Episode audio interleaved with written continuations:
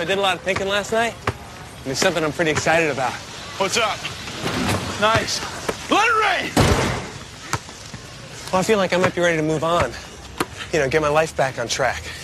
So, I'm going to ask Polly Prince on a date. Oh, that's a mistake. She's not right for you, dude. Rain dance! What was that?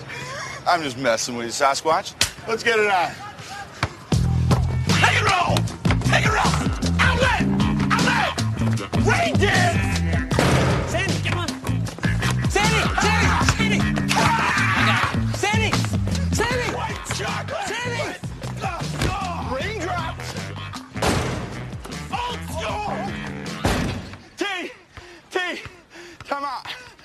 I oh, you to burn it. Come out. Come out.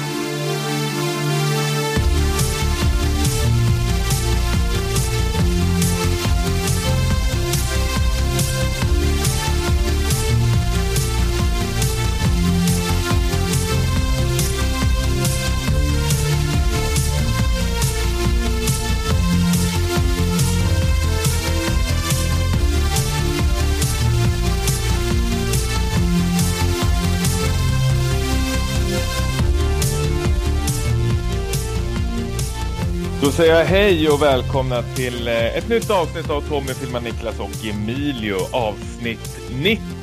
Eh, Tommy Jansson heter jag och eh, med mig idag har jag bara Niklas Lundqvist. Yes, eh, tyvärr så Emilio Spinetti eh, var ute och åt när någon nös i hans pasta primavera. Den blev, han insjuknade hastigt och eh, är sängliggande, sängliggande tror jag. Ska alltid sk- skämta om så fort någon mår dåligt. Ja. Det skadeglädje. Ja, jag fick in en liten, Emilio blir sjuk. fick in en liten Seinfeld-referens också som du tog. Okej, tack. Apropå Seinfeld, eh, jag har ju aldrig blivit så frustrerad häromdagen. Mm. Super Bowl. Just det. det eh, twittrades och snackades eh, rejält mycket om eh, en comeback Mm. med Seinfeld-gänget. Men istället så fick vi någon slags eh, Seinfelds egna sidoprojekt. Det? Comedians, Sidoprojekt. Comedians in Cars. Någonting, Ja. eller vad det heter. Eh, Som har en, en kvinna i varje säsong. Förutom första säsongen, då är det noll tjejer. ja, Det finns inte så många roliga tjejer där ute tydligen. inte enligt Jerry Seinfeld. Nej. Det Eh, har du tittat något på det?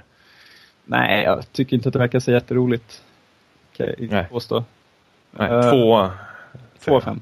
Ja, Godkänt. efter några, jag har sett kanske tre avsnitt. Inget jag rekommenderar. Nej. Och som sagt, det, det hittades ju, eller folk spekulerade i att det skulle bli en Seinfeld reunion, men istället så, ja, George Costanza, eh, Jason Alexander ska alltså gästa Seinfelds program, Vi- visst är det så? Det, Ja, precis. Eh, han är ju karaktären då, George Constanza kommer han vara. Jaha, okej. Vad jag fattar det som. Och eh, samtidigt så är Newman med också, såg jag. Jag såg ett klipp ur det där. Okej, så det blir lite som en reunion. Ja, fast eh, utan eh, resterande. jag, jag vet inte om eh, Larry David har någonting med det här att göra, men det tror jag inte faktiskt. Mm. Alltså, jag, jag kan känna att på något sätt är jag lite glad att det inte är en, en eh, renodlad hel reunion, att de ska börja dra igång det igen. För jag tror att eh, med Arrested Development färskt i minnet så känns det som att det upp, skulle varit upplagt för en som besvikelse. På något sätt. Fast om jag får säga emot där så ha, har vi ändå sjunde säsongen av Curb Your eh, Enthusiasm som handlar om Larry David som gör ett reunion-program. Vilket jag tycker nästan är den bästa säsongen i Curb. Jo, ja, ja förvisso. Alltså, men då känns det som att det var liksom Larry Davids förtjänst.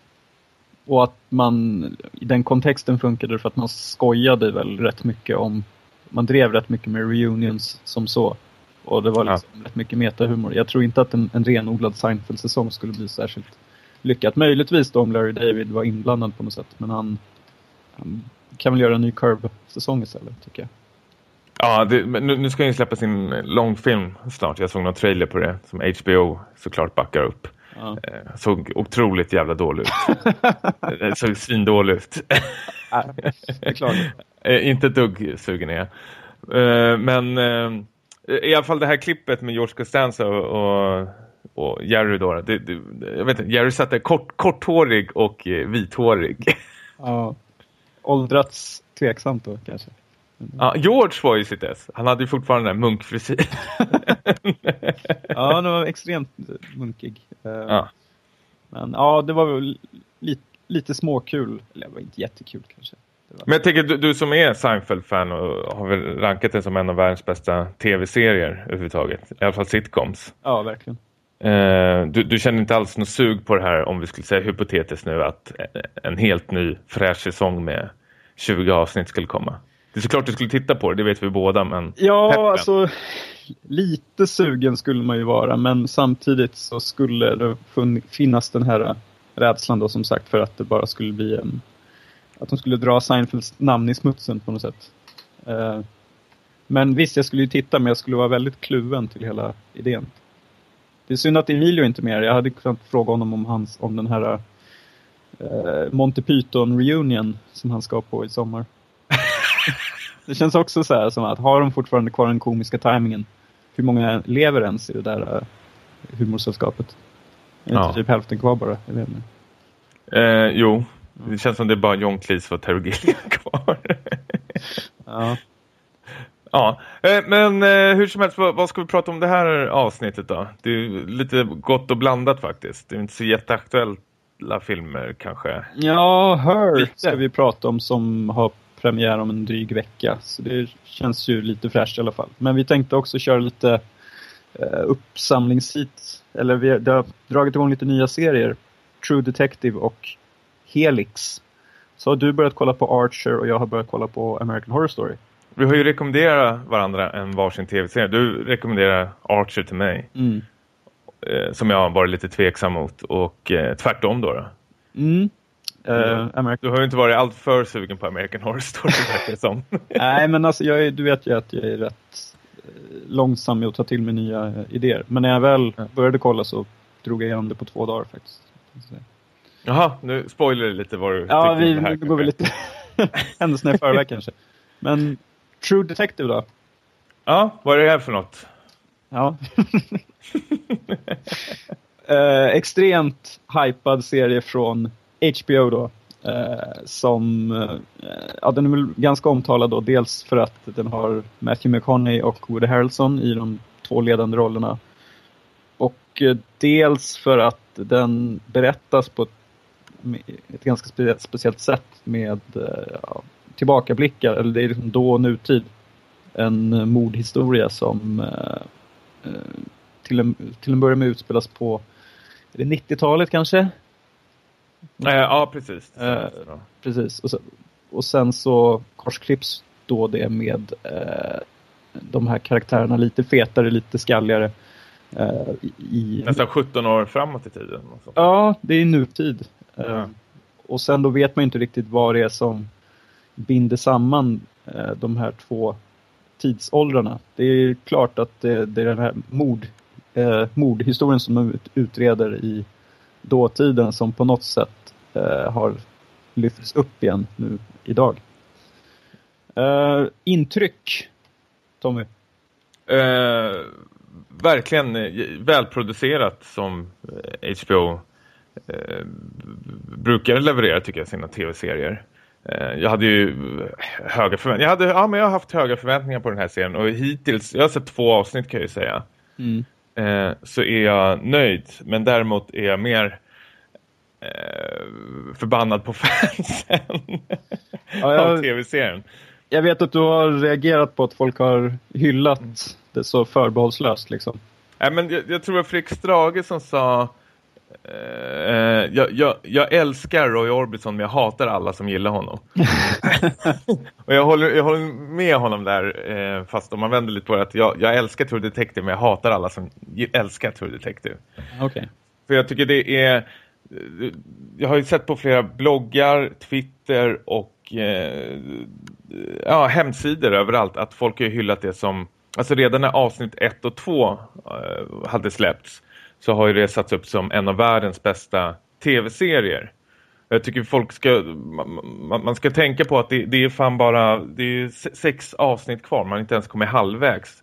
Och plus de här hyllningarna till eh, Matthew McConaughey och Woody Harrelson som jag inte heller fattar. Eh, alltså för, för mig är det nästan självklart att de kommer leverera. Woody Harrelson och Matthew McConaughey har väl alltid varit bra. Och jag vet också att du har väl hakat upp det på de här eh, Matthew McConaughey-hyllningarna.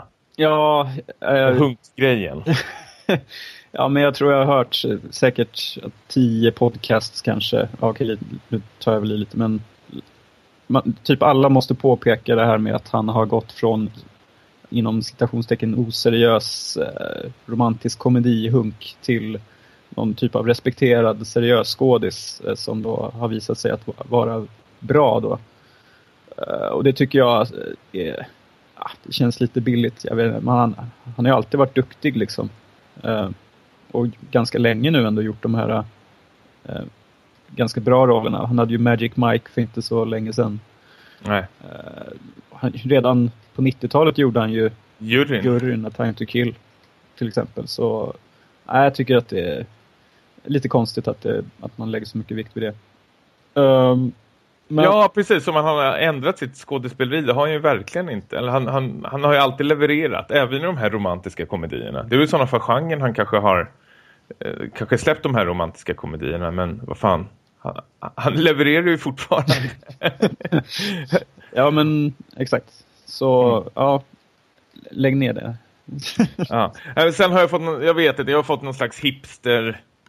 Det, det, det, det är nästan som slags sjukdom över den här tv-serien. Att man, man ska gilla den, man ska snacka om den, man ska hylla den. För att den, den, den, den sticker ut lite mer än vad vanliga detektivserier gör. Att den är, har ett långsammare tempo, en lite långsammare dialog. Den är någon slags lite polis new noir fast i uh, vad utspelar sig Arizona eller något. Louisiana kanske. Ja, uh, Louisiana precis. Mm. Och fan, jag blir, jag blir trött på det där. Det, det är nog hyllningarna innan tv-serien är klar. Jag tycker det, man, är, man är rätt så sjuk i huvudet då faktiskt. Mm. Att, det här kan ju ta vägen vad fan som helst ju. Ja, och, men... jag, och jag ser inte vad det är som är så bra originellt med den här serien. Jag, jag, jag, tycker den är bra men jag tycker inte den är svinbra. Jag sitter inte som klistrad framför tvn. Utan det är mest att jag sitter och njuter. Tycker, tycker väldigt mycket om Matthew McConaughey och Woody Harrelsons karaktär. Det gör jag. Men jag ser inget så här... Åh, oh, det här... Det, det, är det här som gör serien så jävla originell och bra. Mm. Men är det här en serie som du skulle riva av samtliga avsnitt på en gång om du hade möjligheten? Eller? Ja, men det gör jag med alla tv-serier känns som. Jag börjar ju gå mer och mer ifrån eh, lång spelfilm till bara tv-serier. Jag älskar att ha det här ja, men en, en, box framför mig med x antal avsnitt och bara sitta och kötta igenom. Jag sitter ju nu med, eh, det kan jag säga också, Sounds of Anarchy, säsong 5. Och där är jag jätteförvånad att folk har snackat att det bara blir sämre och sämre. Tvärtom säger jag, det blir bara bättre och bättre. Ja. Jag, är, jag är jätteöverraskad över den serien. Mm. Uh, ja, alltså jag känner uh, med True Detective att uh, jag, jag tror vi pratade om det för inte så länge sedan, men att jag ser gärna fram emot de här lite högtidsstunderna när nya True Detective-avsnitt har kommit. Jag blev lite irriterad nu när på grund av Super Bowl så kommer det inget avsnitt den här veckan. Medan du då kanske tänker vänta in alla episoder och sen dra igenom dem, eller?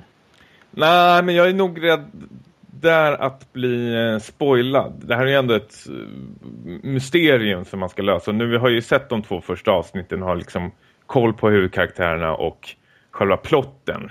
Och det räcker ju bara att jag en tidig måndag morgon klockan åtta när jag går upp liksom scrollar lite på Twitter och så står det att hen är mördaren. sen, sen är det förstört. Ja. Så det, det, eller så måste man gå i någon slags media blackout liksom och släcka ner allting sju veckor fram. Det är lite ovärt kanske. Ja, och sen jag menar avsnitt tre har, har, ju funnits ute ett tag nu när vi pratar om det. Jag har inte kastat mig över det. Jag har inte orkat sett det än. Alltså om man vill jämföra med Breaking Bad till exempel som jag var injicera mig med det så fort det släpptes liksom. Mm. Det, det, har ett annat kittlande om man säger så som Breaking Bad kanske har.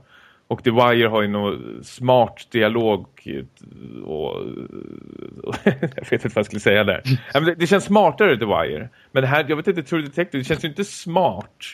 Och det känns inte coolt. Och det känns inte ballt. Det känns inte... Jag vet inte, vad, vad, vad fan är det för något? Det är vanliga deckare tycker jag faktiskt. Bara att de... Man kastar sig, hoppar lite i... Um, fram och tillbaka i tiden. Men de gör ju inte på något speciellt snyggt sätt. Utan när man hoppar i vår nutid då sitter de ju bara och blir synkade framför två stycken andra detektiver. Mm. Ja, alltså, betoningen är väl som du sa där på att det är så extremt välgjort. Alltså mm. väl, väl skådespeleri och eh, eh, ja, regi och, och, att tempot är långsamt det uppskattar man väl. Men det är alltså, man kommer ju sitta, sitta kvar till slutet för att se hur, hur det jo, sitter ihop. Du som, sitter du som klistrad? Tycker du det är spännande? Är det ah, nagelbitare? Nagelbit, alltså jag vet inte riktigt. Eh, jag kan säga att tredje episoden eh, slutade lite med någon typ av cliffhanger i alla fall. Um, som gör att man verkligen vill se nästa avsnitt. Uh. Um, men uh, alltså den, jag håller med att man kanske inte ska liksom ropa hej redan nu som så många gör och liksom utropa det till årets tv-serie. För man vill ju gärna se att de knyter ihop det på ett sätt som är tillfredsställande. Eh, så jag väntar nog också lite med mina hyllningar. Även fast jag, som sagt, jag sitter ju och väntar på varje avsnitt. Jo, Nej, men jag, jag, tycker om det, verkligen, återigen. Men jag tycker det kanske är värt att ifrågasätta alla de här hyllningarna som kommer ut på direkten. Jag tycker det är lite fegt faktiskt. Eller fegt, men jag tycker det är konstigt. Eh, att man gör det så snabbt och plötsligt. Bara efter en, en, ett avsnitt liksom så såg jag Facebook var bara fullt av det. Det är nästan att ja, det var en liten hipstergrej över det. Att man vill vara först på plats och ha sett det här. Du tycker att det är lite överdrift som en av våra poddkollegor gjorde att uh, spela in special True Detective-avsnitt. Ett nytt varje vecka.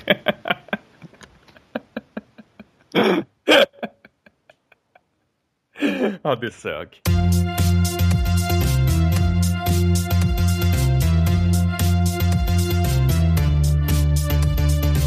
Ja, eh, vi kastar oss in i nästa tv-serie här nu då. Eh, en som du har sett Niklas. Du försökte få mig att titta på den innan avsnittet men tyvärr så har jag inte kunnat göra det. Vi var väldigt peppade över den här serien kommer jag ihåg att eh, vi pratade lite om den snabbt i 2013. Mm. Något avsnitt där. Mm. Och det har ju med premissen att göra kan man säga. För vi är ju stora fans av John Carpenters The Thing. Och det här känns ju lite då som tv-serieversionen med en forskarbas på Antarktis då, där det eh, bryter ut någon typ av eh, smitt, smitta som gör att eh, forskarna förvandlas till ja, elaka, elaka människor. Eh, är det någon slags Tommy Knockers? Eller Tommy Knockers? Eh. vad, vad, vad, heter den på svenska? Knackarna? Stephen King. Uh, nej. Uh, vad fan heter den? Dol... Nej. Eh, de här parasiterna som sätter sig... Ja, invasion of, invasion of the Body Snatchers. Ja, ah, Body Snatchers, så ja. ja, det är väl det. Alltså det, det. Det som The Thing har, som det här inte har, är ju den här uh, häftiga monsterdesignen. Uh, som gjorde att det blev extremt oförutsägbart. Uh, här så om vi ska hårdra det så är det ju att uh, forskarna blir zombies, helt enkelt. Får röda ögon får röda ögon och lite blodiga vener som sticker fram. Ja. Vilket känns lagom spännande, tycker jag. Uh, det är samma skapare som har gjort eh, senaste eh, säsongen av eh, de här Battlestar Galactica. Inte den första sagan utan den andra. Ja, exakt.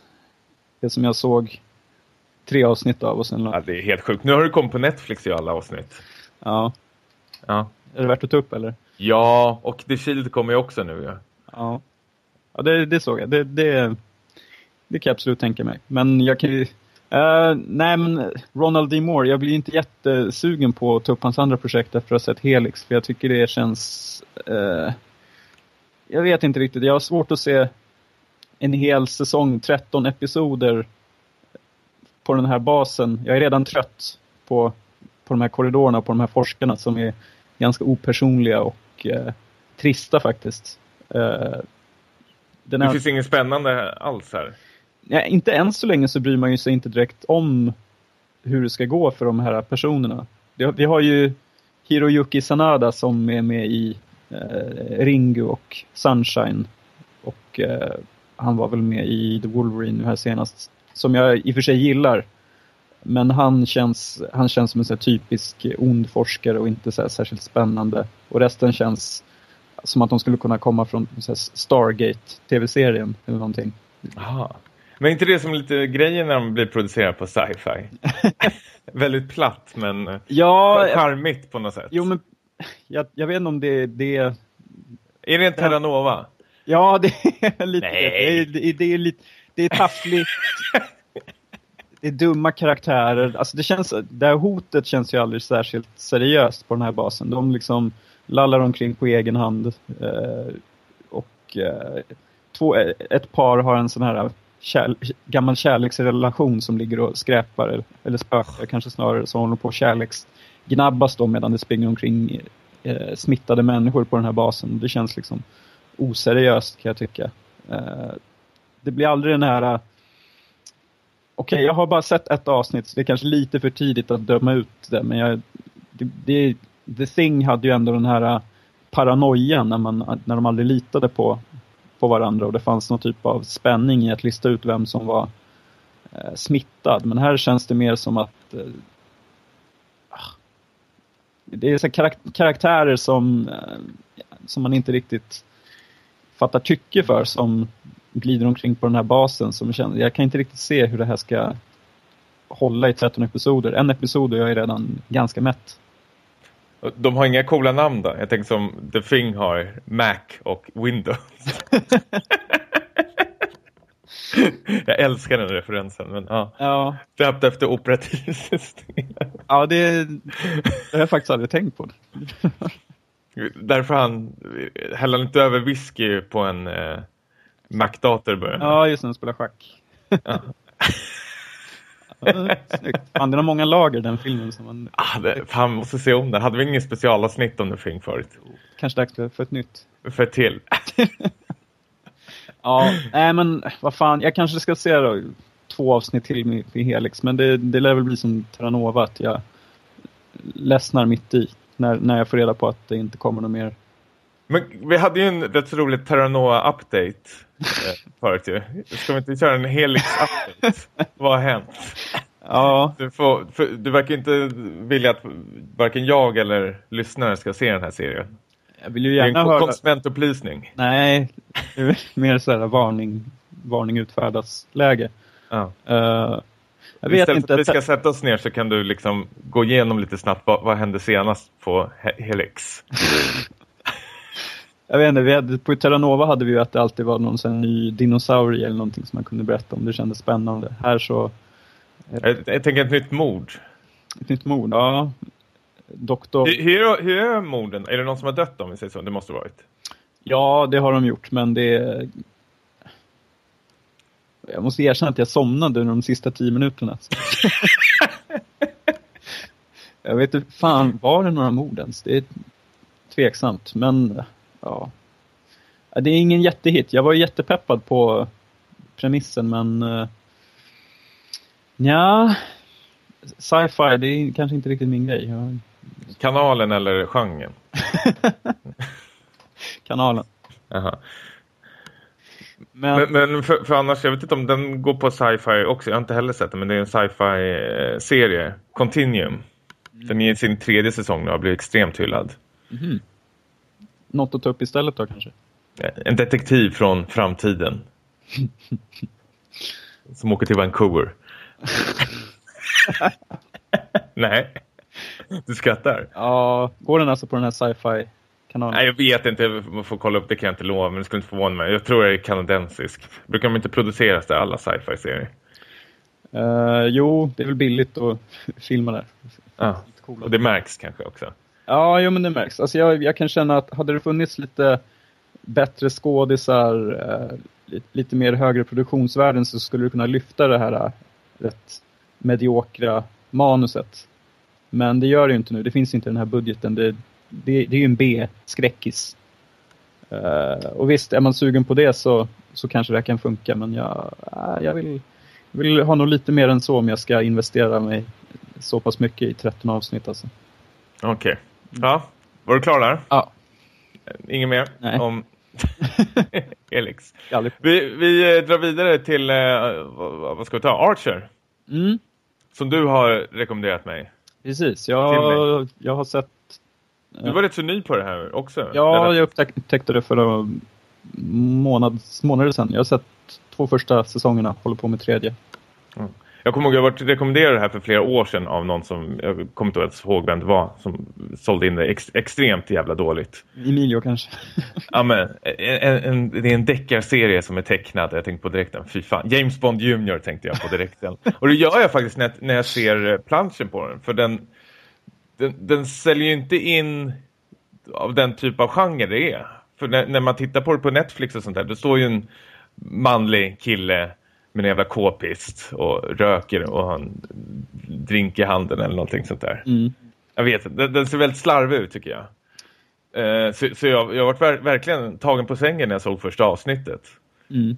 Eh, vi ska ju först säga att det här, det här är ju ingen James Bond Jr.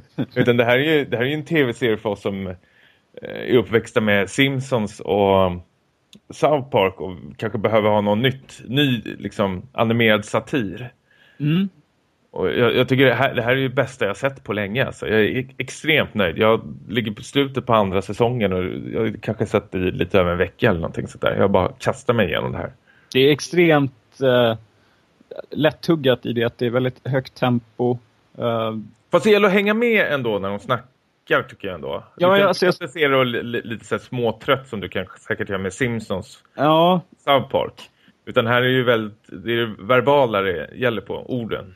det har du i och för sig rätt i. Jag, jag, jag tänkte på något sätt jämföra det med eh, Arrested Development i det att det är ett högt tempo och mycket grejer som går en förbi om man inte är uppmärksam. Många referenser och eh, så har... Som även de påminner tittarna om ibland. Ja, From the thing, did you get it? Är helt underbart. exakt. Och så ytterligare då Arrested Development jämförelse att vi har ju Jessica Walk, äh, Water Ja. som eh, spelar en väldigt snarlik roll. Eh, lite alkad morsa. Som helt underbar. Och även eh, Pappa Blues, eh, Jeffrey Tambor har ju en röst eh, med jämna mellanrum. Så alltså det är ju Det, det är svårt att sälja in den här serien varför man ska se, eh, varför man ska se den samtidigt liksom vad, vad fan den handlar om. Det känns som bara vi kommer sitta här och dra massor med citat och det kanske inte är så jävla kul. kanske inte funkar. Nej. Så det är svårt. Alltså jag, jag, det finns ju ändå en viss James Bond-känsla. Det är väl mer spionkänslan då kanske. Lite så här kalla kriget. Eh, öst mot väst. Det, är det nämns väl aldrig riktigt var det, vilken tid, tid utspelas. Jag antar att det är väl nutid. Bara att de drar väl med sådana här eh, kly- klyschor att de har eh, ry- ryssarna såklart eh, och eh, så har de väl några eh, kubaner också som de Ja, men lite här, kommunism och, och så vidare. Ja. Det är ju lite så här, De driver med spiongenren. ja men verkligen. Det är nästan lite Mad Men-estetik på karaktärerna, men det är ju moderna. Fast den ligger ju bara som en liksom fond på väggen. Det, det är ju liksom fortfarande dialogen och karaktärerna som är helt underbara. Jag tror inte jag stör mig på någon. Nej. Måste jag tänka efter. Nej, det tror jag inte jag gör. Jag älskar alla. De är helt underbara. Men jag har hört, eh, nu är det inne på femte säsongen igen, Mm. att den ska skifta och bli väldigt mycket sämre. Stämmer det? Det eh, har jag också hört från eh, min eh, kära vän Heather som introducerade mig för den här eh, serien. Hon såg första avsnittet av femte säsongen och tyckte inte alls om det. Tydligen har de gjort någon typ av förändring som den har gått i någon ny riktning som inte verkar uppskattas av alla. Jag scrollade förbi lite snabbt förut och kollade, man vill inte bli spoilad, men det ska vara någonting med Miami och knark. Mm. Vad kan vi tänka oss att det är? Att det blir någon typ av Scarface? Eh, att man byter miljö helt eller? Ja, vad jag fattar det som. Ja. Men jag, jag vågar inte grotta mig in i det där för mycket för att bli spoilad. Nej. Jag kan tänka mig att kanske någon karaktär, nyckelperson dör i säsong 4 och de byter helt. Nej, det kan de inte. Eh, Ska vi säga att det här också finns på Netflix så det är ju lätt att, att ta sig an det. Precis. Ja, det är ju bara korta små 20 minuter. Perfekt till frukosten. En liten munsbit. Ja, och samtidigt som man jobbar har, har jag tittat på dem. Så kanske man inte ska säga. Uh, ja. Nej, men det, det är rappt och kul. eh, Och vi som saknar den här animerade satiren, Simpsons och South Park. För båda de serierna har ju gått ner sig, kan vi säga ändå. Milt sagt. Ja, så är Archer perfekt eh, substitut för det här. Mm. Det är det bästa just nu, tycker jag, bland de animerade serierna. Ja, det håller jag verkligen med om. Klockrent! Vill du gå vidare då? Mm. Eh, för två avsnitt sen så uppmanade du mig att börja kolla på American Horror Story. För två avsnitt sen. Två Ja, år sedan. Två år sedan. Men nu senast var det två avsnitt sen. Då kände jag att nu är det dags eh, att ta sig an den här hyllade serien. Inte bara av dig utan av många andra också. Vår vän Peter Årvik till exempel som eh, är lite snabbare än, än jag på att snappa upp dina tips. Nästan alla våra vänner har börjat titta på det nu. Är det så? Ja, du har ju din lillasyster och hennes pojkvän. Just. Daniel. Just det. Ja. Jag var sist på bollen på den här. Eh, du Det är har... därför du är så tyst senaste tiden när vi träffas allihopa. det finns inget att prata om. Stirrar. Ja. Eh, du har ju precis klart den tredje säsongen och jag är precis klar med första säsongen. Mm. Ehm, och jag blir ju nästan arg på mig själv för att jag har varit så långsam med att se det här. För det är ju helt fantastiskt. Du gillar det? Ja, men det är nog efter Du ska ju nämna också kanske att du, du är spökrädd. Ja, jag är spökrädd. Det kan ju vara någon anledning då till att jag har dragit mig från att sätta igång. Nu tycker jag inte att den är så farligt läskig. Eh, Det läskigaste tycker jag nästan är den här vignett snutten. Ja, vignetten är helt underbar Ja. alltså.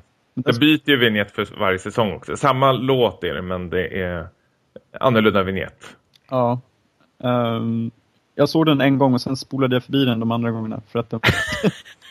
inte för att den var dålig utan för att den var otäck. Faktiskt. Jag tittar alltid på den, min flickvän helt tokig. Hon sitter och håller för öronen och bara eh, stirrar någon helt annanstans. Ja, men det är de här plötsliga ljuden och de här bilderna på gamla eh, svartvita barn som, som jag inte klarar av riktigt. Ja. Ehm, men jag måste säga att det är sjukt välspelat eh, och otroligt smart smart handling där man på, på, med små detaljer bara liksom hintar om saker som komma skall. Och så man lägger ut små ledtrådar som man sen får svar på. Eh, kanske några avsnitt senare. Ja, just det, det var den, den röda bollen jag som vi såg i första avsnittet. Nu dök den upp, vi reda på var den kom ifrån. Ehm, Ja, precis. Det är, inte planteringen som hamnar bara för att det ska vara läskigt eller nej, exakt. ko- konstigt händer. Utan man får oftast, precis som du säger, man får oftast svar på varför det händer. Mm. Det är inte så många lösa trådar utan man får liksom eh, med slut, på slutet så sitter man väl i alla fall med nästan alla svar Mm. kring eh, alla de här eh, gastarna då som, som bor i det här huset. Ehm, första säsongen heter, heter den Murder House. Oj, heter den inte bara American Horror Story? Jag tror att den heter Murder Att den har en undertitel? Ja, jag tror det. För den Okej. andra heter väl Asylum och den tredje Coven. Precis. Eh, precis. Och det är det här mordhuset då som han, det mesta av handlingen utspelar sig i. Och de här olika spökena då som på ett eller annat sätt har mist livet i, i byggnaden. Och på det, Ja, särskilt familjen som flyttar in där också. Det är ju en klassisk eh, huset som Gud glömde story nästan. mm, fast med en liksom modern spin Ja. på det. Jag får, Ja, men, jag får lite precis. typ så här uh, Six Feet Under-vibbar. För där var det väl all, alltid att man inledde avsnittet med att någon dog. Ja, precis. som sen en karaktär som man sen får reda på mer och mer under avsnittet. Och här är det lite samma sak, att vi får reda på mer och mer om huset och de före detta invånarna så länge som serien går. Ehm, och ja, Vad tycker du om det här oför, oförutsägbara då? Att karaktärer som man tror har eh, liksom leading part liksom helt plötsligt kan coola och sen kommer de tillbaka efter några avsnitt. Nej, men att, det här, att ingen går säker, har du den känslan? Mm, jag vet inte om det är någonting som kanske kommer prägla de kommande säsongerna mer. Mm. Uh, här var det väl, det mest oförutsägbara var väl att man aldrig riktigt hade koll på vem som är en verklig människa och vem som är spöke. Att det på det sättet att man är på helspänn och sitter och, och gissar. Mm. Uh, men sen på slutet så, sista avsnittet är ju en, en jäkla resa. Det är liksom Poltergeist, en berg och dalbana kanske. Kan säga. Ah. Jag gillar det som fan. Du kommer fortsätta titta på det med andra ord? Ja, ja visst. kommer du inte ja, det kommer. Asylum, Asylum ligger och väntar, men jag måste nog ta tag i det rätt fort innan det faller i glömska. Ja, så inte Helix tar över. Helix-cirkeln. Nej, men kul att du gillar det. Jag, som sagt, jag har precis sett klart säsong tre för några dagar sedan och jag, jag kan inte vara mer än nöjd. Det är extremt kul att prata den här serien med andra som har sett lika långt också. För det verkar vara extremt eh, vattendelare över vilka säsonger folk gillar. Mm. Att man har någon slags olika relation till varje säsong. Och vilken eh, gillar du bäst då? Ja, det är jämnt race faktiskt mellan tredje och andra säsongen tycker jag. Jag tycker alltså. helt klart första säsongen svagaste. Ja.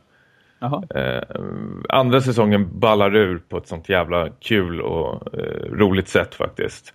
Och, och, den gör det här snygga som säsong ett också gör lite att man kastar sig lite fram och tillbaka i tiden. Men säsong två gör det att du nästan kastar dig mellan tre olika epoker fram och tillbaks.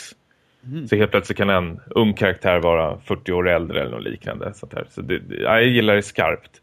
Medan tredje säsongen är lite mer fokuserad faktiskt över den här Coven, den här häxgruppen. Mm. Och vem som kommer bli... Alltså det, det, fan, det, det, känns så dumt att säga Harry Potter men det är närmast jag kan komma eftersom det är någon häxskola som de tar sig in på. Och jag vet att det kanske är många som tänker så här, åh, åh, åh, åh, häxskola, fy fan vad trist. men äh, jävlar vad bra det är alltså. D där har det riktigt välskrivna och bra och coola eh, kvinnokaraktärer faktiskt. Ja, det måste man säga att med den här... Eh... Ja, Jessica Lang, vad tycker du om henne? Oh, underbar. Vi ser hon det. Hon är... Oh. Hon... Fast jag, jag, måste faktiskt säga att eh, tredje säsongen så är det faktiskt inte hon som är bäst. Nej, vem är... Det är ett, gästspel. Hoppas hon kommer tillbaks eh, fler gånger.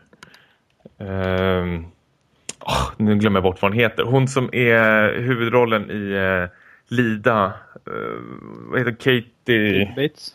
Katie Bates, precis. Hon är med och har en väldigt stor roll. Jaha. Henne har man inte sett på typ tio år tror jag. En sån stekta gröna tomater. Katie Bates är i alla fall tillbaks uh, nu och är så jävla bra. Mm. Uh, spelar uh, rasist. Jaha. Det är inte därför hon är bra, men man, jag vet, jag älskar hennes kar karaktär. Mm. Och eh, så var det en annan tjej där som, är, som jag inte har sett förut. Så jag kommer ihåg. Hon spelar Marie Laveau som också är helt underbar. Mm. Um, ja, men jag tycker, du har ju nämnt att det finns så här feministiska undertoner. Och det, det gillar jag som, som fan också. Det, mm. det, tycker jag man, man ser ganska tydligt att det är en röd tråd. I alla fall genom första säsongen. Jag antar att det fortsätter hela serien igenom. Mm.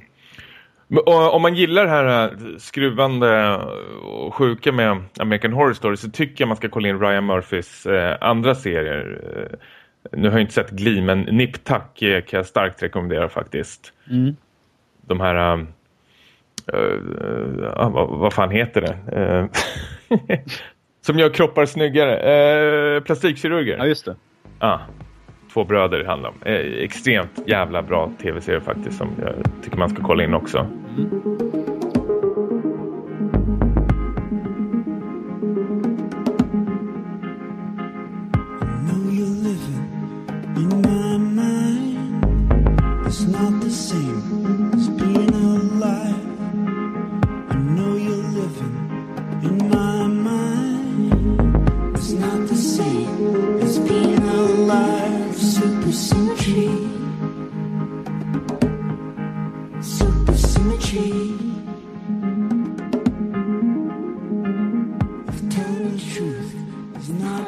Ja, vi kastar oss in och till. Jag säger alltid att vi ska kasta oss in, men det ska vara så jävla dramatiskt hela tiden när vi ska presentera film. Vi eh, river av då, nästa, för, första filmen för det här avsnittet. Första och enda. Ja, Bioaktuella hör, eh, både regisserad och eh, skriven av Spike Jones, som vi inte har sett eller hört någonting sen, ja vad fan heter den? Where the Wild Things Are. Just Gjorde han väl? Ja. Jackass. Regisserar säkert något segment. Ja. Vad var det här för eh, indie-rulle? Ja, men det finns en, ett visst indie-skimmer över den tycker jag. Det är... Varför ler du när du pratar? Det äcklar mig. eh, vi har ju eh, Joaquin Phoenix i huvudrollen. En rätt normal roll får man väl säga från, från hans eh, senare år. Um, och eh, även Amy Adams, Rooney Mara och då Scarlett Johansson för Sparandes röst. Uh, han spelar ju då en kille som uh, är lite deppig efter att hans förhå- förhållande har gått i kras.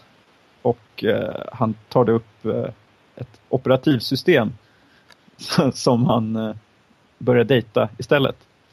Vilket låter ju helt sjukt på pappret men i filmen ändå känns som ett hyfsat trovärdigt scenario ändå tycker jag. Eller vad tycker du?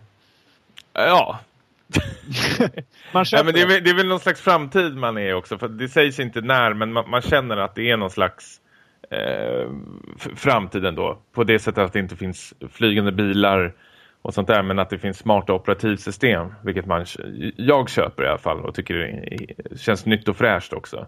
Mm.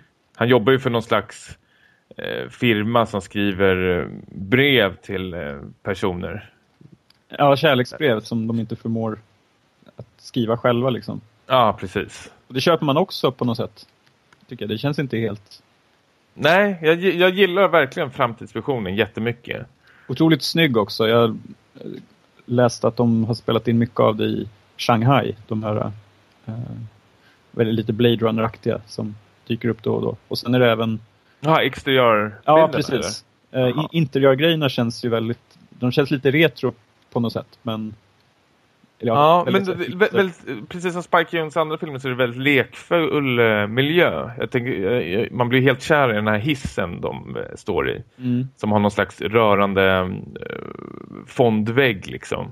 Mm. Som rör sig samtidigt som hissen rör. Det känns väldigt mysig att åka i faktiskt. Mm. Eh, och det är ju en mysig film. Men eh, ack så utdragen tyvärr tycker jag. Eller? Du brukar jävla bolla över dem. Eller? Eller? Eller? Eller? Eh, ja, alltså...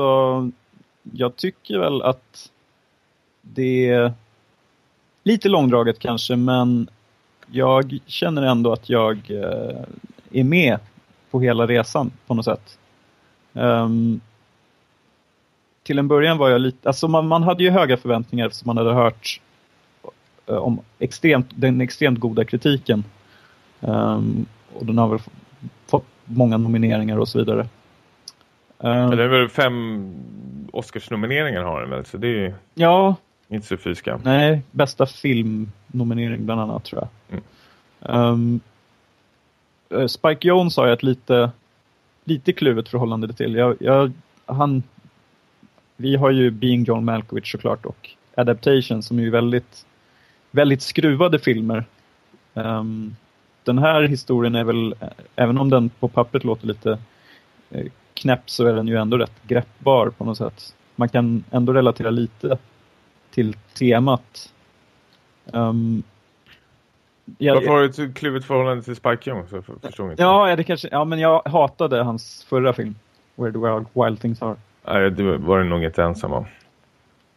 Jag, jag fått för mig att den är hyllad på något sätt, men det kanske... Ah, nej, men jag kommer ihåg, trailern var ju extremt hyllad när den kom. Och det, trailern är helt underbar med Arcade Fire, soundtracket och allting. Men eh, fy vilken dålig film det var. Jag tycker den är hemsk. Den, ja. eh, ja, jag tror det är de få filmer som jag haft i mina ögon men som jag kastat bort. Ut genom fönstret. eller? Ja, jag vet inte. I något sop, soprum ligger den tror jag.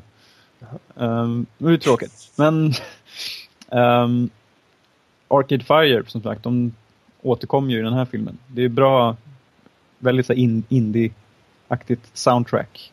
Som jag tycker också funkar. Um, det jag saknar är väl lite kanske den här underfundiga humorn som ändå finns i ja, Adaptation och eh, John Malkovich-filmen. Ja. Alltså han, han, jag tycker inte Spike Jones är liksom 100% om inte han har sin manusförfattare Charlie Kaufman med sig. Mm. Som skrev både eh, John Malkovich och Adaptation. I båda de filmerna finns det här lite le lekfulla, surrealistiska fast ändå utspelade i någon slags nutid då. då. Och man, man, man, köper ju det på något sätt. Uh, Charles Kaufman har ju ändå skrivit, också skrivit uh, Eternal Sunshine of the Spotless Mind. Mm. Så man märker ju väldigt tydligt på på hans filmer som annat folk regisserar var Michel Gondry som gjorde Turn Sunshine. Men att det är något jag vet inte hur han lyckas med manuset men måla upp någon slags nyskapande och originell och tuff miljö. Och jag tror det är Spike Jones försöker med Hör som han själv har skrivit också men inte lyckas helt. För jag saknar det här äh, skruvade och konstiga och ja. Vad tycker du om äh, tv-spelen? Verkar de roliga i Nej, jag, eh, jag tyckte det verkar svintråkigt. Och i Spike Jones gjorde väl rösten till en av de där figurerna. Ja, det var jättetrist. Ja, eller det var väl lite latch och sådär, men nej. Jag kunde inte se någon funktion i det. Um, vad tycker vi om skådisarna då? För jag tycker Joaquin Phoenix bär ju ändå upp filmen på ett. Sätt på honom lite höga jeans och stoppa in skjortan så, och så en hipster-mustasch så är det klart. ja, men jag tycker ändå att han har en... Cynisk. Ja, lite cynisk kanske. Men... Nej, men jag tycker han ändå man ska han interagera mot en röst och en liten pekskärm liksom, i stora delar av filmen. Jag tycker han gör det bra. Då var jag nog mer förälskad i Scarlett Johanssons röst. Mm. Visst, eh, att det, var, det, det var ju faktiskt Samantha Morton som var rösten från början och hon var till och med med på, på uh, inspelningen och pratade. Men sen så byttes hon ut i post-production så in med Scarlett istället. Jaha, nej det visste jag inte alls. För, för hon känns ju, hennes röst känns ju typ som klippt och skuren för den här rollen. Ja. Um, det var väl ett lyckat val då, kan man tänka sig. att ta bort Morton. Ja. Men... Uh... Nej, det visste jag inte. Men jag vet inte, jag vill älska den här filmen. Men jag känner att jag, jag blir inte kär i den. Jag tycker att den har fått lite för bra kritik eh, för sitt eget bästa. Alltså tyvärr så jämför ju den, det måste man väl ändå kunna göra mot Spike Jones tidigare filmer. Och kommer ta bort Will the Wild Things Are som ja. vi har kommit fram till att den är inte så bra. Så tycker jag att John Malkovich och, och Adaptation är tusen gånger bättre och roligare och har ett eh, omsägningsvärde. För den är mer skruvad och mer spännande på det sättet. Mm. Men jag känner att hör så får jag faktiskt ingen sug efteråt att se om den eller något liknande. Jag vet inte om jag vill rekommendera den till någon. För jag, vet inte, jag kan inte ta på det liksom så här, vad, vad gör det som gör den så bra? Förutom de första 20 minuterna när man introduceras till den här framtidsvisionen. Men sen har du liksom en timme 40 minuter upprepande bilder tycker jag faktiskt. Mm. Alltså, jag håller med om att den är lite utdragen och att den kanske inte har ett sånt där... Um, jag vet inte om, när, när den är slut, jag vet inte vad man, man har lärt sig. Det känns som att den bara den mal på lite. Men att eh, den ändå har ett bra, ett gäng starka scener. Tycker du? Ja, får man spoila no någon? Det är inte, ingen, jo det kanske är fan en stor spoiler, jag vet. Ah, ja, skit i det. Ja. Nej men okej, okay, det, det, finns ett par stycken i alla fall som jag tyckte var, som jag berördes av, men uh, um, men en, jag saknar lite av humorn och underfundiga. Den, den känns ju ändå, det är en ganska vanlig kärlekshistoria ändå. Som går igenom alla de här typiska faserna. Uh, men och så är den då liksom lite tillskruvad i och med att det är ett operativsystem. Mm. Uh, jag tycker den känns också väldigt uppenbar var den ska ta vägen någonstans. Den tar inga häftiga vändningar eller liknande. Nej, ja, den är ju rätt utstakad handlingen då. Ja. Ehm, jag tyckte det var rätt njutbart men jag måste också ifrågasätta lite av den här, eller av alla hyllningarna. Men är det en film man vill prata om? Jag, ty, jag tycker redan nu när vi sitter och pratar om den så här, det är ju inte dugg kul. Det är som Men, filmen. Nej, men det finns inget kul ja, men det, alltså, det, Den är ju inte svindålig men den är inte så jävla bra heller. Jag tycker inte den är en, en, en axelryckning. Den har inte gett mig någonting. Jag, jag har inte heller provocerad av den efteråt. Att, vilket jävla skit så jag skulle kunna liksom sitta här och hacka ner på den. För det tycker jag inte så dålig är den inte men fan, jag, det, var mest att jag såg en film och nu ska jag gå vidare och se nästa film eller tv-serie. Den fastnade inte alls för, på mig. Nej. Um, och du tror att det beror på avsaknaden av Charlie Kaufman främst, eller? Ja, man känner tycker jag ändå att han vill göra något skruvat och gå tillbaks till sina gamla spår. Eh, John Malkovich adaptation. Jag, jag tycker det finns en känsla av det men att det blir någon slags light version. Mm. Att du har det här operativsystemet och så har de sin relation och så har en, en framtidsvision. Du vet inte exakt när det är men kanske 20 år fram. Och så har du lite snygga interiörer och exteriörer. Eh, Men det, den ger inte så mycket mer än så faktiskt. Nej. Ehm, Tar du tillbaka dina hyllningar? ja. Två.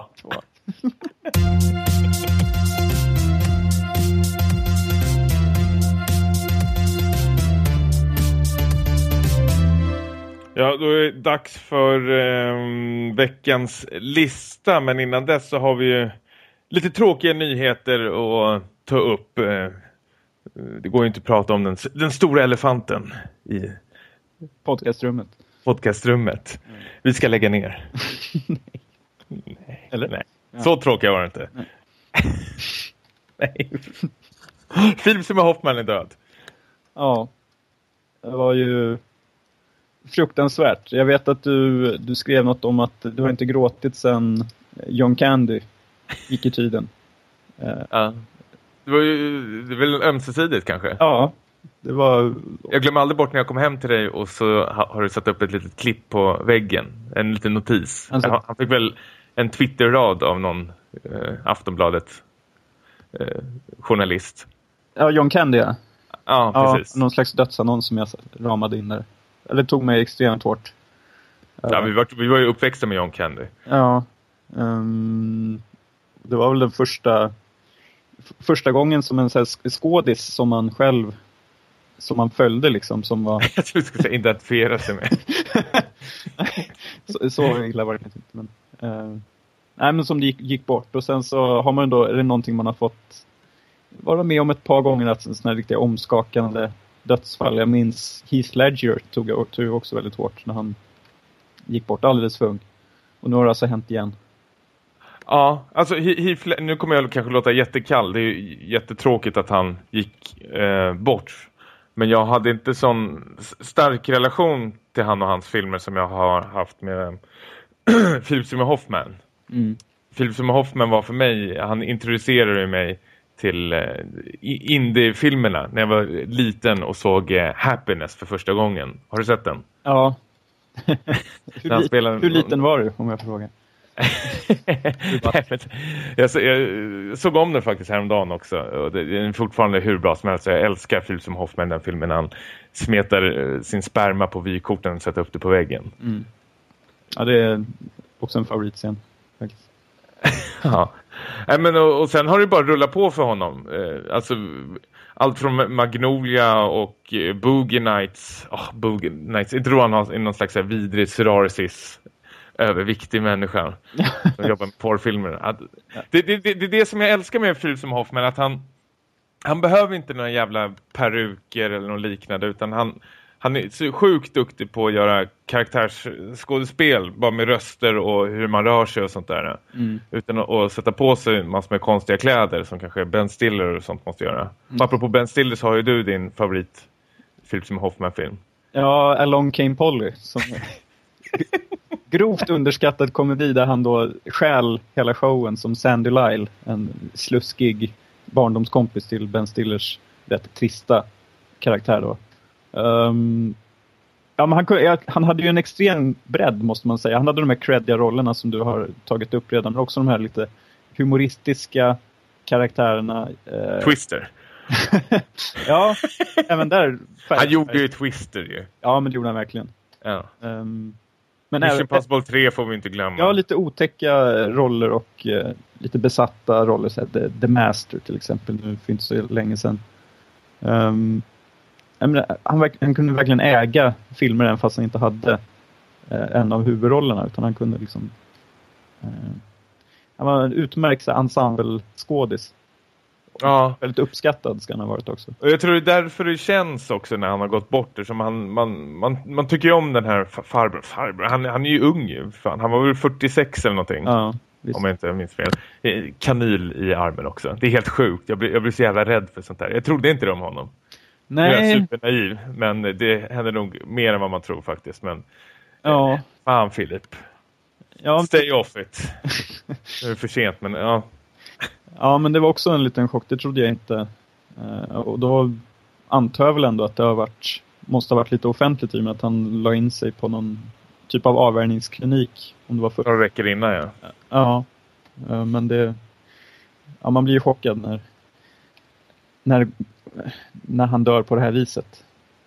Ja, nej, men det är jättetråkigt faktiskt. Och särskilt för hans eh, nära och kära familj också. Och sånt. Det kan inte vara så jävla kul. Det är ett väldigt ovärdigt sätt att um, gå bort på tycker jag. Mm. Eh, och hur som helst, det går inte nog att säga hur mycket vi älskar den här eh, skådespelaren och hans filmer. Har, har, har du någon absolut favorit? Alltså, du kan ju inte säga Along Come Polly. det, det vore helt sjukt. det vore det lite konstigt. Ja. Men vad ska jag dra fram ur hatten då? Det blir... Uh, Boogie Nights får det bli. Jävlar. Tog jag det in nu? Nej, men jag håller... Den är... Ja. Jag, jag, jag, jag gillar honom i Punch Drunk Love också. Jättemycket. Någon slags osympatisk chef där.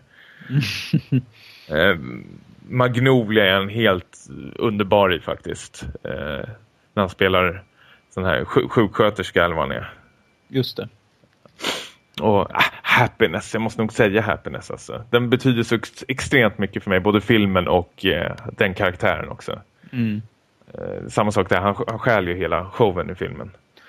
Måste vi gå och se Hunger Games Mockingjay nu? Det är hans sista.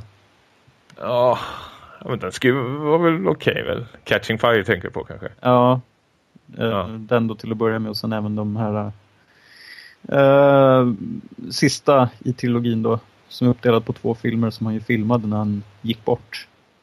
Undrar hur de kommer Ja. lösa det. Det kanske blir... Ja, de får väl sätta in någon annan, eller så får de göra en The Crow-grej. Ja, Animera honom. sminka honom lite. Nej, men eh, supertråkigt. Det kommer ju smaklöst in på vår lista. Det blir någon gemensam lista här, Niklas. Mm. Vi kom ju fram till att det, det, det, vi sa ju det, det var ju 20 år sedan vi kanske har känt något sånt här. Du hade ju din Heath Ledger, men för mig var det väldigt länge sedan jag... eh, Det tog väldigt hårt på mig när någon eh, sån här stor offentlig person gick bort och man... eh, Det, det kändes som man hade förlorat en nära vän nästan. Mm. Eh, som sagt, du sa John Candy och nu Philip Seymour Hoffman var ju senast. Och då, det här är ju rätt så makaber lista kanske, men... Ja, alltså vi, vi vill ju inte hålla på och spekulera i folks dödsfall. Vi är väl mer snarare en hyllning till de här personerna på listan. Att Mm. eh, när de väl går ur tiden så kommer det kännas otroligt jobbigt. ja, att man kommer bryta ihop då. Ja, det tror jag. Och det, det, det, det är ju ingen, eh, här, här är ju ingen eh, rangordning. Det är det inte. Nej, det känns lite... Nej. Utan vi river av dem bara. Och sen kanske vi kommer på några fler. Mm. Ska jag ta den första då? Ja, det beror på vem, vilken det är. Det var ju en vi inte var eh, så jätteöverens över, men... Menar du Christian Bale? Ja, bra. Ja, Christian Bale kan jag då ta för extremt uppskattad skådis hos mig. Eh, även fast jag inte gillar honom lika mycket nu som kanske när han gjorde Batman Begins och Prestige var han väl på toppen hos mig. Eh, men även att jag såg ju honom som hyfsat ung ändå i eh, den här Mio min Mio-filmen och eh, Solens rike, heter den det? Speed Ja, filmen. Eh, Så man har, även fast han är några år yngre än mig så har man ändå lite växt upp med honom och det skulle kännas oerhört grymt eh, när han väl, om han skulle gå ur tiden. Alltså vi, vi pratade om det här innan att det, det blir en, det är en viss skillnad på om någon dör ung, relativt ung, än- och när man känner att personen har kanske mer att uträtta. Snarare än det, om det är någon som dör när han är 70 kanske. Som Clinton går bort nu. Ja, det är klart, det skulle vara tråkigt, men det skulle ju vara väntat ändå. Ja. Och man känner att han har gjort mycket bra. Han kan, då kan han, han kan få vila. Precis, det känns som Philip Seymour Hoffman bara hade börjat på sitt skådespeleri nästan. Ja, Att Det, fanns mycket kvar att hämta där tror jag. Oerhört. Många år. oerhört. Och det är väl det vi känner med den här listan också. Att det, eh, lite blandat. För, får jag slänga in en parentes där faktiskt eh, på Christian Bale? För jag var inte helt överens Ja, med honom. Men, jag kan hålla med om för Christian Bale. eh, Den första filmen jag såg med honom som jag visste att det var Christian Bale. Det var ju American Psycho. Och helt tokförälskad i honom då. Sen hade jag ju sett Mio Mio. Eh, Solens rike innan. Men det fattade jag inte att det var samma person då. nej. Eh, men så kan det vara. Men jag skulle slänga in en regissör faktiskt som betyder extremt mycket för mig som jag skulle bli eh, helt tokig om han gick bort nu. Och nu ser jag att han kom ut med en ny film 2014. Vad fan är det här? Med Li Gong. Helvete. Breaking news! Eh, ja, Chang Yimou är det i alla fall. Jaha. Eh, Chang Yimou har ju mest femmer och fyror av alla regissörer jag har eh, satt i hela mitt liv på regissörer. Han är ju extremt eh, skicklig och duktig men, och jag har extremt nära relation till hans filmer, de här skådespelarna han har intresserat mig för och den ostasiatiska filmkulturen också. Apropå där- Christian Bale, Flowers of War gjorde väl han? Ja, precis. Och nu kommer han med en ny film 2014 här som heter Return. Ja, fan. Årets bästa film redan nu säger jag. Nej men jag gör det, förlåt. Fan. A Chinese man is forced into marriage and flees to America. But when he returns home, he's sent to do a labor camp. Åh! Ja. Fy fan! Hörde ni? Ja. ja Jag kan vägen, redan se det snygga fotot framför mig. Vägen hem är ju... Indiana Jones-kartan när han åker från Kina till Amerika. Alltså framför mig horribla amerikanska skådisar tyvärr också. Som, ah, okej. Har du sett Flowers of War förresten? ja visst. Var, Vad tyckte du om Christian Bale när han skrattar upp på kyrkan? ja, då, då var jag inte riktigt övertygad. Men filmen i slutändan var ju väldigt bra ändå. Eh, nästa då. Eh, det är Arnold såklart. Mm. Eh, Såklart. där, ja men för, för oss två är det väl det i alla fall. Ja. Jag kan berätta, nu blir det väl provocerat kanske, men jag läser just nu hans självbiografi. Total Recall. Ja. Eh, otroligt vilket, vilket, eh, vilken resa han har gjort. Eh, och han har också varit med, han måste ju vara en av våra första. Ja, Jag vill att läsa den boken. Ja. Är den bra eller? än så länge så är, det, han bara inne på det här bodybuilding-kapitlet. Jag väntar Ja. tills man får alla de här filmanekdoterna som jag hoppas att ska krylla av den här boken. Ehm, men uh, vi sa ju innan vi spelade in här att han är någon typ av fadersfigur för oss. Verkligen. Han har ju mm, passat oss när vi har varit ensamma hemma känns det som. När föräldrarna har varit ute och eh, gjort någonting eller snuskat på övervåningen så har man de tryckt in en dagispappa. Nej men vad, vad fan, vi har ju jättemånga bra filmer med honom. Det är till med, jag, jag, jag är till och med kär i Twins bara för han är med i den. Det går ju inte att hata Twins. Nej, det, Och inte Junior heller. jo. Nej, Arnold gravid. Alltså, jag... Ja, alltså det är så bra elevator pitch också. Är den så bra? Arnold is pregnant. Det låter som något Spike Jones skulle kunna ha gjort. Så absurt är det. Eh, ja, men han är absolut given tycker jag på listan. Och det känns ju tyvärr som att det kanske inte är så långt kvar. Nej, men det, det kommer ta hårt som fan för mig tror jag. Om han går bort. Vi får stärka oss, stärka oss redan nu faktiskt. Tror jag. Mm. Och eh, plats ett då? Ja, det är kul du är intresserad. Ska jag ta den? Också, Ja, ja det, det, det, är- det, det, ah, det här är så jävla bra alltså. om Arnold är en fadersgestalt så är väl det här kanske en modersgestalt på något sätt. Eh, Sigourney Weaver. Ah. Mest känd såklart från Alien-filmerna men även har vi Ghostbusters, Avatar. Nej, men så otroligt... Eh, Copycat får vi inte glömma. vilken då? Copycat. Copycat, just det. Mot Hollywood. Ice Storm är också jättebra ju. Jag har inte sett den alltså. What? Ja. Ehm, Galaxy Quest har inte jag sett förstås. Den Ja, ska vara jättebra har jag hört. det vet jag inte om jag tycker att den är. Nej, Men- Alan Rickman. Eh, nej, men hon är ju eh, fantastisk och att ehm, hon har en extrem bredd och har, fortsätter göra få roller, vilket är väldigt sällsynt tyvärr i hennes ålder, att man fortfarande får filmroller. Eh, så hon är ju någon, någon slags undantaget som bekräftar regeln och har alltid varit väldigt eh, ändå rätt bra på att välja sina filmer. Hon har, hon har få, få eh, riktiga kalkoner på, på meritlistan tycker jag. Ja. Alltså det, det är ju hon som har gjort Alien-filmen också. Så, alltså anledningen till varför de är så bra är ju mycket tack vare henne eh, faktiskt. Och hennes karaktär eh, Ellen Ripley som vi... Jag vet inte hur många gånger har vi sett Alien-filmerna tillsammans sen jag vet inte, nio års åldern eller vad det var vi började titta på dem. Mm.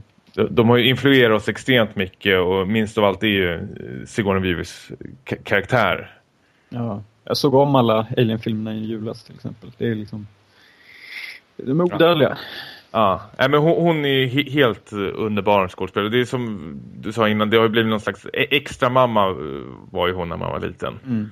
Och därför tror jag det kommer ta väldigt hårt eh, när de kommer gå bort, tyvärr. Det här känns helt sjukt att vi har en sån här lista, förlåt. det lät bra i början på pitchmötet, men Ja. ja. Ni, ni får väl klaga sen, ni som lyssnar och tycka om det var makabert eller inte. Emilio kanske hade satt stopp för idén. Men nu, Ja, eller tagit någon obskyr gammal it- italienare. Gucci. ja. Nej, men som, jag ser det mer som hyllningar till kanske våra, några av våra absoluta favoriter. Ja, Man, man, börjar ju tänka, man, man får ju vara tacksam för hur länge man får ha dem nu. Man, man tog ju Philip Seymour Hoffman eh, för givet. Eh, och tänkte att här kommer det komma otroligt många fler bra filmer av honom. Men nu får vi ju inte det. Det känns som vi går miste om massa eh, från den här mannen. Mm.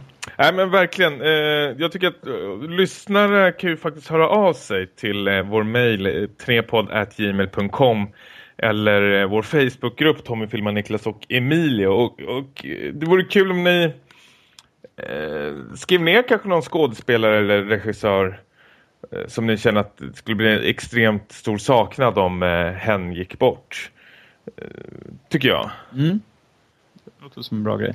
Så att det inte Kul att läsa upp. Det, det, som du säger, det blir någon slags hyllning ändå i förväg. Eh, och eh, man, man kanske ska passa på att utnyttja de här skådespelarna så länge man har dem nu. Det är lite som kvällstidningarna som ju redan har de här bilagorna tryckta på folk som de tippar ska gå bort. Eh, lite så här, om kungen till exempel ehm, finns det ju med stor säkerhet någon typ av backup-text redo bara att tryckas när han väl tillhör av pin. Jaha! Ja, men det kanske inte förvånar mig så mycket nu när du säger det. Men, Mm. Ehm, så det skriv en liten dödsannons till. Nej, för fan, det var en dålig, dålig idé. det var en riktigt dålig idé. Eller en sån här, vad fan heter det? Eh, Tryck. Åh! Där tidningen åker upp på, framsidan, snabbt. Eh, Löpsedel. En löpsedel. Hur hade löpsedeln varit för Arnold då? I'll be back. Not.